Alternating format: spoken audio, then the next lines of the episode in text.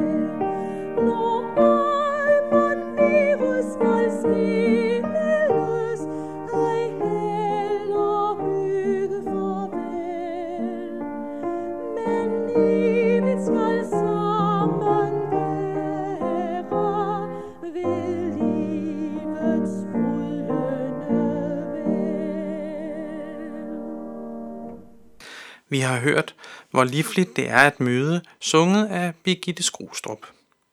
Om kappestrid. Hver andet år er der som bekendt valgkamp i Danmark, hvor de politiske fløje kæmper om stemmerne, og hvor politikerne kaster om sig med kritiske og spydige kommentarer rettet deres modstandere. Bølgerne går nogle gange så højt, at politikerne ikke kan tåle at se hinanden i øjnene efter en valgkamp. Men de er i stedet forbitret på hinanden – det er en kappestrid om magt og anseelse. I Markus evangeliet, der hører vi om, hvordan Johannes og hans bror Jakob siger til Jesus, Lov os, øh, at vi må få sæde i din herlighed, den ene ved din højre side, den anden ved din venstre hånd. Johannes' og Jakobs krav om pladserne ved Jesus side er ikke blot et generelt ønske om at blive frelst og høre Jesus til, men det handler om personansigelse og om at være ærekær. Derfor er det også indlysende, at de andre disciple bliver vrede, når Johannes og Jakob gennem deres krav tror, at de er bedre end de andre disciple. Denne rivaliseren mellem disciplene er ikke ny, og igen må Jesus i rette sætte dem ved at sige, I ved, at folkenes fyrster undertrykker dem, og at stormændene misbruger deres magt over dem. Datidens kejsere, konger og fyrster regerede over deres undersåtter på nådesløs og grusom vis, og det var for at bevare deres egen position i samfundet, i en verden, hvor alt afhang af ære og personanseelse. Det gør den stadig. Mennesker er stadig optaget af magt og ære og personanseelse.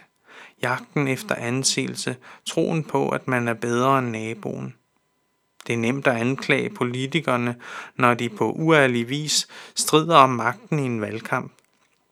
Men det er måske langt sværere at vende pegefingeren indad mod sig selv, når ærekærheden går i selvsving. En egoistisk selvophøjelse, der ofte går ud over andre, det er en synd, vi må omvende os fra og bede om tilgivelse for. For som Jesus selv siger, sådan skal det ikke være blandt jer. Men den, der vil være stor blandt jer, skal være jeres tjener, og den, der vil være den første blandt jer, skal være jeres træl. De kristne skal ikke føre sig frem i en kappestrid om magt, ære eller anseelse, eller strides om, hvem der er den største. Det skaber kun splid. I stedet skal vi tjene hinanden, for i Guds rige er den mindste den største. Guds rige er den omvendte verden. Det, som i verden står i høj kurs, er ubrugeligt i Guds rige, og det, som ringeagtes af verden, anses for godt i Guds rige. Derfor skal vi tjene hinanden i kærlighed. Men på hvilket grundlag skal dette gøres? Der er ikke noget, vi kan gøre for at tilfredsstille Gud. Uanset hvor godt vi forsøger at tjene Gud eller hinanden, så kan vi aldrig ved os selv leve op til Guds krav om en fuldkommen hellighed og retfærdighed. Så tjeneste blot for tjenestens skyld er egentlig ligegyldig. Den største tjener af alle er Jesus. Han siger jo selv, ligesom menneskesønnen ikke er kommet for at lade sig tjene, men for selv at tjene og give sit liv som løsesum for mange. Jesus tjente menneskeheden gennem hele sit liv. Jesus levede hele sit liv for din og min skyld. Jesus levede det perfekte liv, som Gud kræver af enhver. Han levede det liv, vi ikke kunne. Jesus opfyldte alle lovens krav. Jesus elskede Gud af hele sit hjerte, sjæl og sind, og sin næste som sig selv. Jesus påtog sig vores synd, vores skyld og vores skam, og vores straf, da han døde på korset.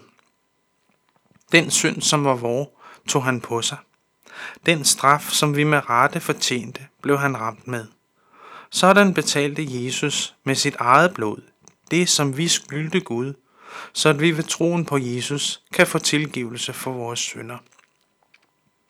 Jesu tjeneste for os som en løsesum er Guds kærlighedserklæring til os, og det er på dette grundlag, vi skal tjene hinanden.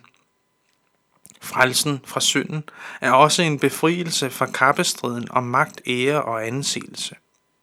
I kraft af troen har vi fået status som Guds børn. Vi er kongebørn, og vi kan ikke stige i højere anseelse i Guds rige. Gud vil give os alt, hvad vi behøver, og når vi er et Guds barn, kan vi tjene hinanden og vores næste med glæde og frimodighed i taknemmelighed til det, Gud har gjort for os. Vi kan elske, fordi han elskede os først. Amen. Vi skal nu høre Guds barn jeg er, sunget af evangelisk luthersk strengekor. Guds barn.